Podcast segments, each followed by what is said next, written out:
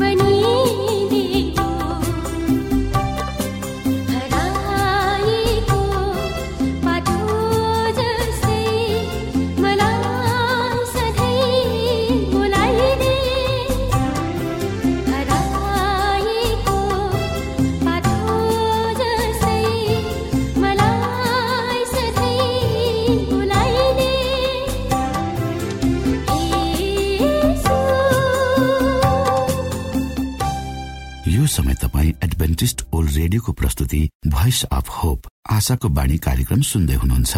श्रोता मित्र यो समय हामी पास्टर उमेश पोखरेलबाट आजको बाइबल सन्देश सुन्नेछौ। श्रोता साथी न्यानो अभिवादन साथ म तपाईँको आफ्नै आफन्त अर्थात् पास्टर उमेश पोखरेल परमेश्वरको वचन लिएर यो रेडियो कार्यक्रम मार्फत तपाईँहरूको बिचमा पुनः उपस्थित भएको छु। श्रोत साथी मलाई आशा छ तपाईँले हाम्रा कार्यक्रमहरूलाई नियमित रूपमा सुन्दै हुनुहुन्छ र परमेश्वरका प्रशस्त आशिषहरू प्राप्त गर्दै हुनुहुन्छ। श्रोता आउनुहोस् तपाईँ हामी केही समय परमेश्वर सँगसँगै बिताउँ। आजको प्रस्तुतिलाई पस्कनुभन्दा पहिले आउनुहोस् म परमेश्वरमा अगुवाईको लागि प्रार्थना राख्दछु। जीवी जिउँदो महान दयालु परमेश्वर प्रभु यीशु हामी धन्यवादी छौँ। यो जीवन र यो जीवनमा दिनुभएका प्रशस्त आशिषहरूको लागि। प्रभु यो रेडियो कार्यक्रमलाई म तपाईँको हातमा राख्दछु। यसलाई तपाईँको राज्य र महिमाको प्रचारको खातिर यो देश र सारा संसारमा तपाईँले पुर्याउनुहोस् ताकि धेरै मानिसहरूले तपाईँको ज्योतिलाई देख्न सकुन् र तपाईँको राज्यमा प्रवेश गर्न सकुन्। त्यसबाट तपाईँको महिमा होस् सबै बिन्ती प्रभु यीशुको नाममा। आमेन।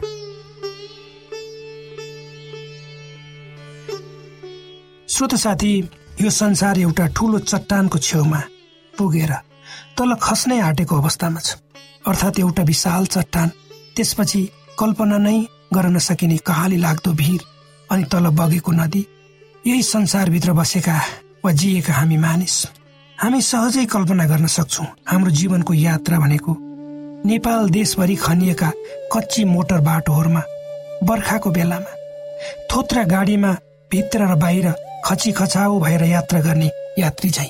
कुनै पनि बेला बिसौँ वर्ष पुरानो गाडीको ब्रेक फेल हुन सक्छ चक्का पम्चर हुन सक्छ वा इन्जिन सिज हुन सक्छ। ठाडो ढुङ्गेनी बाटोमा जसो तसो घिस्रँदै गरेको बिचारा गाडी अनि त्यो चलाउने ड्राइभर। केही समय अगाडि एउटा दाजु र म ललितपुर जिल्लाको दुर्गम मानिने गाउँ गिम्दी पुगेका हुन्छौँ। जहाँ हामी सजिलै बाटो भएर हिँडेर गयौँ। यात्रा रमाइलो भयो। तर तर यो कठिन पनि थियो। फर्किने बेलामा उकालो चढ्ने आँटे आएन। मसँग गएको दाजु त एक पाइला हिँड्न नसक्ने हुनुभयो। सबैको सल्लाह अनुसार छोटो बसको बाटो भएर काठमाडौँ फर्कने निर्णय भयो र हामी त्यसै अनुसार अर्को बिहान बस रोक्ने ठाउँमा आयो र बसमा चढ्यो।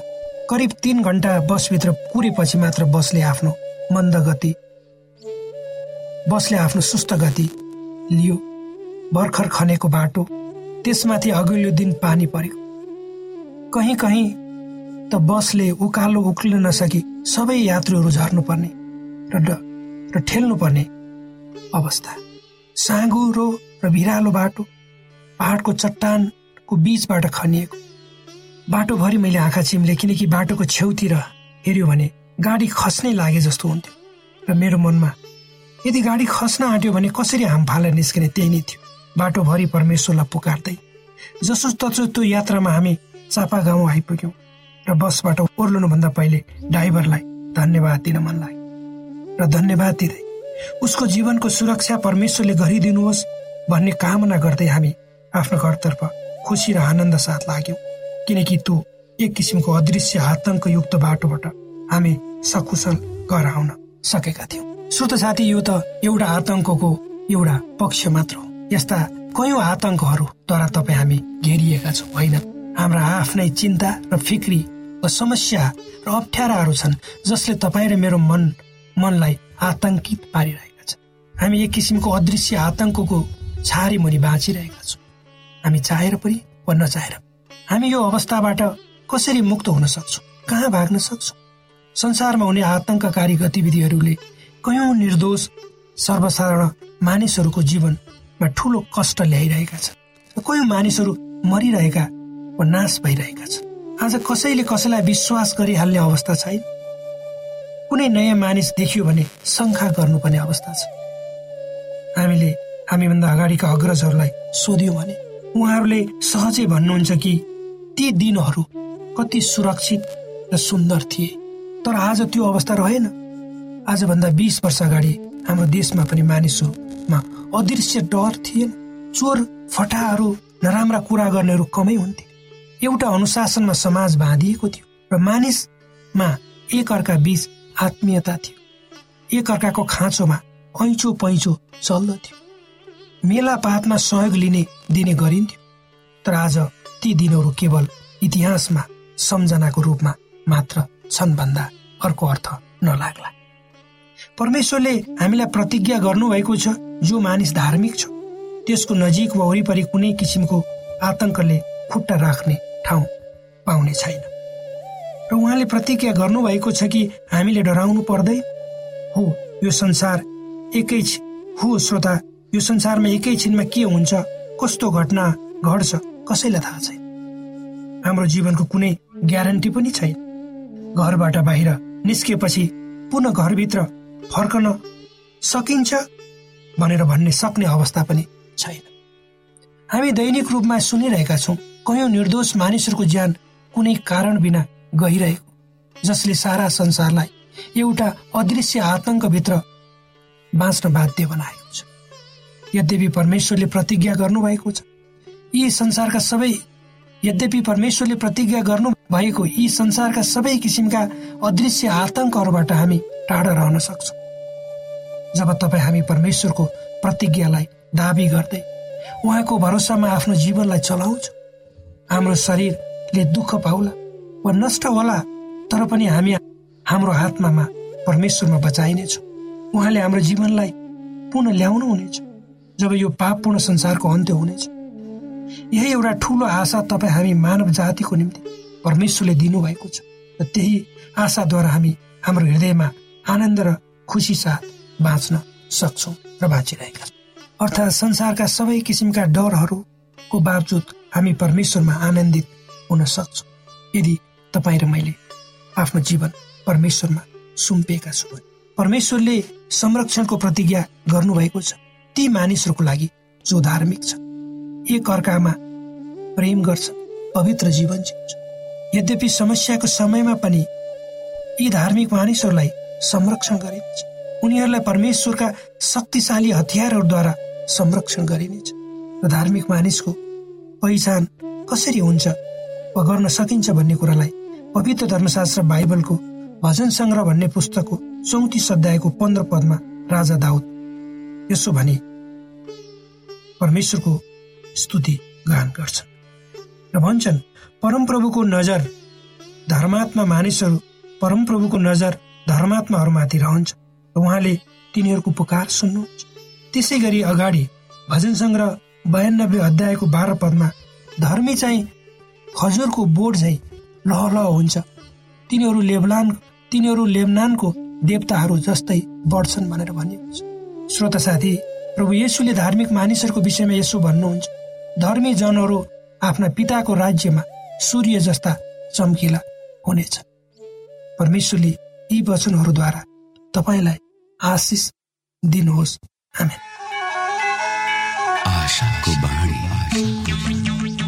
श्रोता भर्खरै यहाँले पास्टर उमेश पोखरेलबाट बाइबल वचन सुन्नुभयो। यो समय तपाईँ एडभेन्टिस्ट ओल्ड रेडियोको प्रस्तुति भोइस अफ होप आशाको बाणी कार्यक्रम सुन्दै हुनुहुन्छ। कार्यक्रम सुनेर बस्नुहुने सबै श्रोतालाई हामी हाम्रो कार्यक्रममा स्वागत गर्न चाहन्छौ। श्रोता मित्र यदि तपाईँ जीवनदेखि हरेस खानु भएको छ तपाईँका जीवनमा धेरै अनुत्तरित प्रश्नहरू छन् भने आउनुहोस् हामी तपाईँलाई परमेश्वरको ज्योतिमा डोहोर्याउन चाहन्छौँ र तपाईँ आफ्नो जीवनका चिन्ता फिक्रीबाट निश्चिन्त हुनुहोस् र बाँच्नुको आनन्द परमेश्वरको सामिप्यमा कति मिठो हुन्छ त्यो चाख्नुहोस् भनी हामी चाहन्छौँ।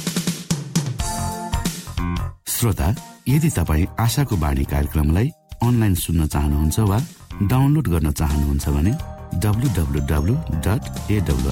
डट ओआरजीमा जानुहोस्।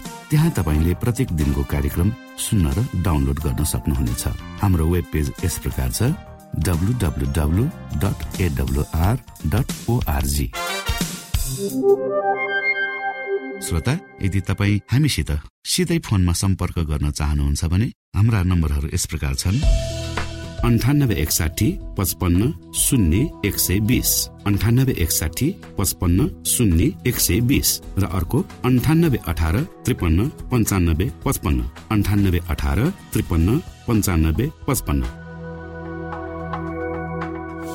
श्रोता मित्रहरू ख्रिस्ट यसुको नाउँमा न्यानो अभिवादन जय मसिंह। म तपाईँहरूको साथी उमेश यमन थापा सदा चाहिँ केही विषयवस्तु लिएर तपाईँहरूको माझ उपस्थित भइसकेको छु। श्रोता मित्रहरू आज तपाईँहरूको अगाडि एउटा जीवन गवाई लिएर उपस्थित भइसकेको छु। अनि त्यो जीवन गवाई यस प्रकारको छ।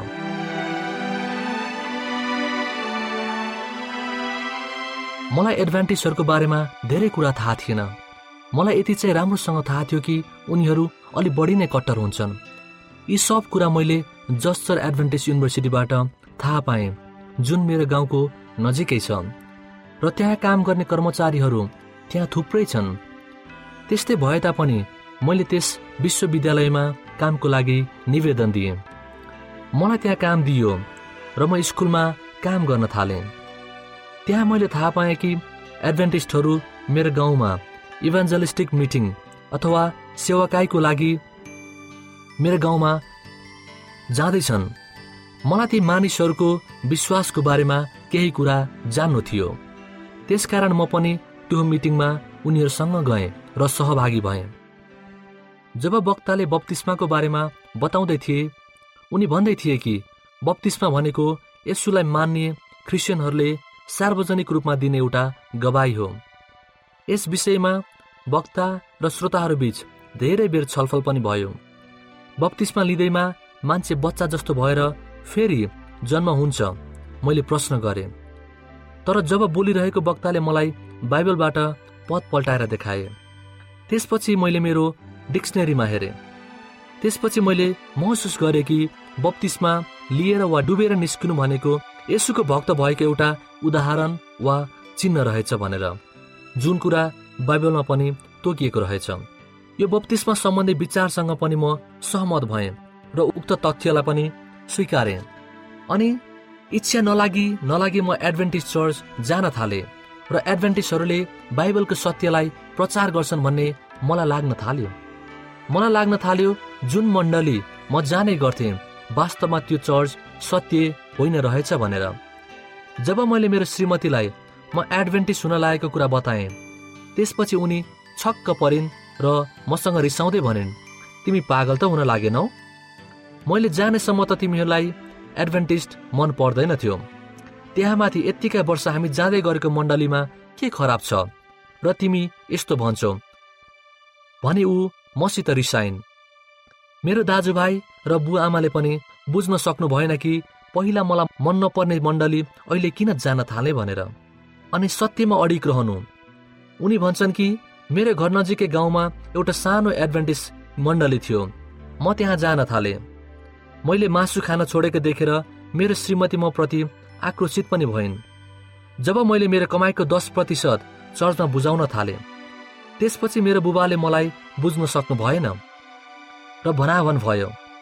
यी सबै कुराहरूका बावजुद मलाई एडभेन्टिज चर्चको सत्यताको पछाडि लाग्नु मेरो लागि अति नै कठिनाइपूर्ण थियो तर मैले निर्णय गरिसकेको थिएँ कि म बाइबलको सत्यतामा सधैँ अडिक रहन्छु र परमेश्वरले मलाई आशिष दिनुहुन्छ भनेर।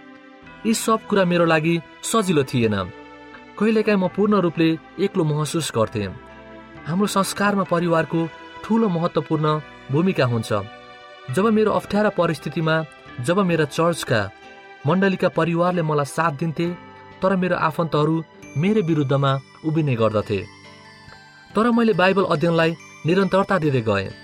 मेरो श्रीमतीले धेरै पढ्यो भने मान्छे पागल हुन्छ। धेरै बाइबल नपढ भन्ने गर्थिन्। जबसम्म एडभेन्टिज विश्वविद्यालयमा मेरो काम सकिएन तबसम्म मैले परिवारसँग असाध्यै कठिनाइसँग बस्नु पर्यो। तर ठुलो आश्चर्य। समय बित्दै गयो र धेरै कुराहरू परिवर्तन हुँदै गए।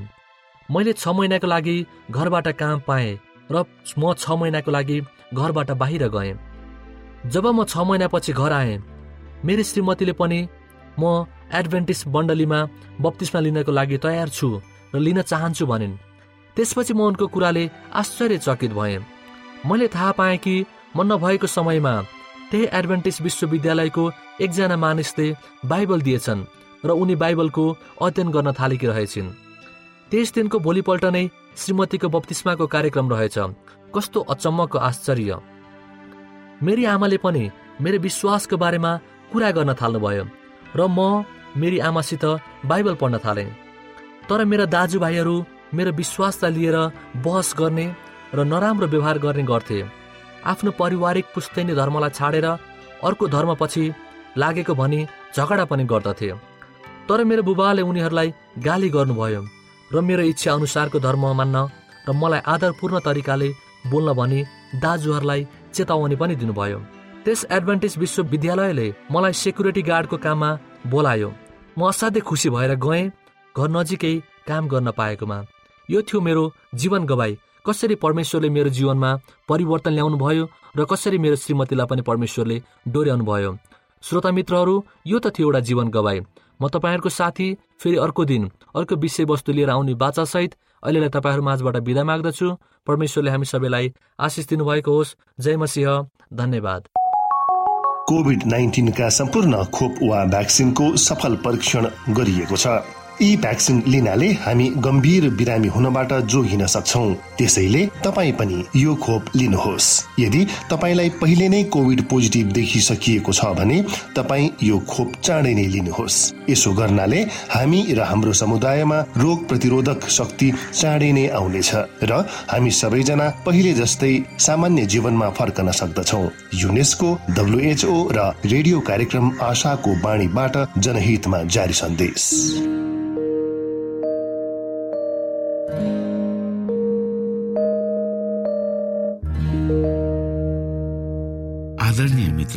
बाइबलले बताएको छ परमेश्वरले तिर्खाकाहरूलाई तृप्त पार्नुहुन्छ र भोकालाई उत्तम पदार्थले सन्तुष्ट पार्नुहुन्छ। हामीलाई दिइएको यो छोटो समय आशाको बाणीको प्रस्तुतिको समयमा हामीले हाम्रा श्रोताको आत्मिक भोकलाई केही मात्रामा भए तापनि सही प्रकारको खोराक पस्केर आत्मिक सन्तुष्टि दिन सकेका छौँ केही ऊर्जा थप्न सकेका छौँ भनेर हामीले आशा राखेका छौँ। आफ्ना मनमा भएका केही दुविधा र शङ्काहरू छन् भने अवश्य हामीसँग बाँडेर शङ्काको निवारण गर्नुहुनेछ र सही प्रकारको बाटो पहिलाउन सक्नुहुनेछ परमेश्वरको सच्चाइले अझ राम्रो बुझ्न सक्नुहुनेछ र आफ्नो जीवनलाई परमेश्वरमा पूर्ण समर्पित भएर समर्पण सहितको जीवन बिताउन सक्नुहुनेछ भनेर आशा राख्दै अब हामी हाम्रो कार्यक्रम सकिएको जानकारी यहाँलाई गराउन चाहन्छौ।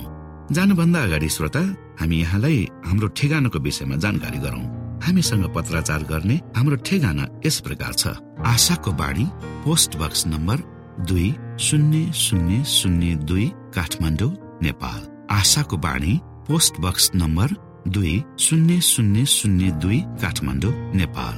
यसै गरी श्रोता यदि तपाईँ हामीसँग सिधै कुराकानी गर्न चाहनुहुन्छ भने हाम्रो फोन नम्बर यस प्रकार छ।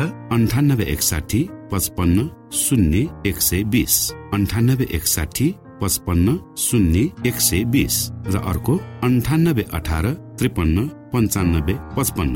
अन्ठानब्बे अठार त्रिपन्न पन्चानब्बे पचपन्न।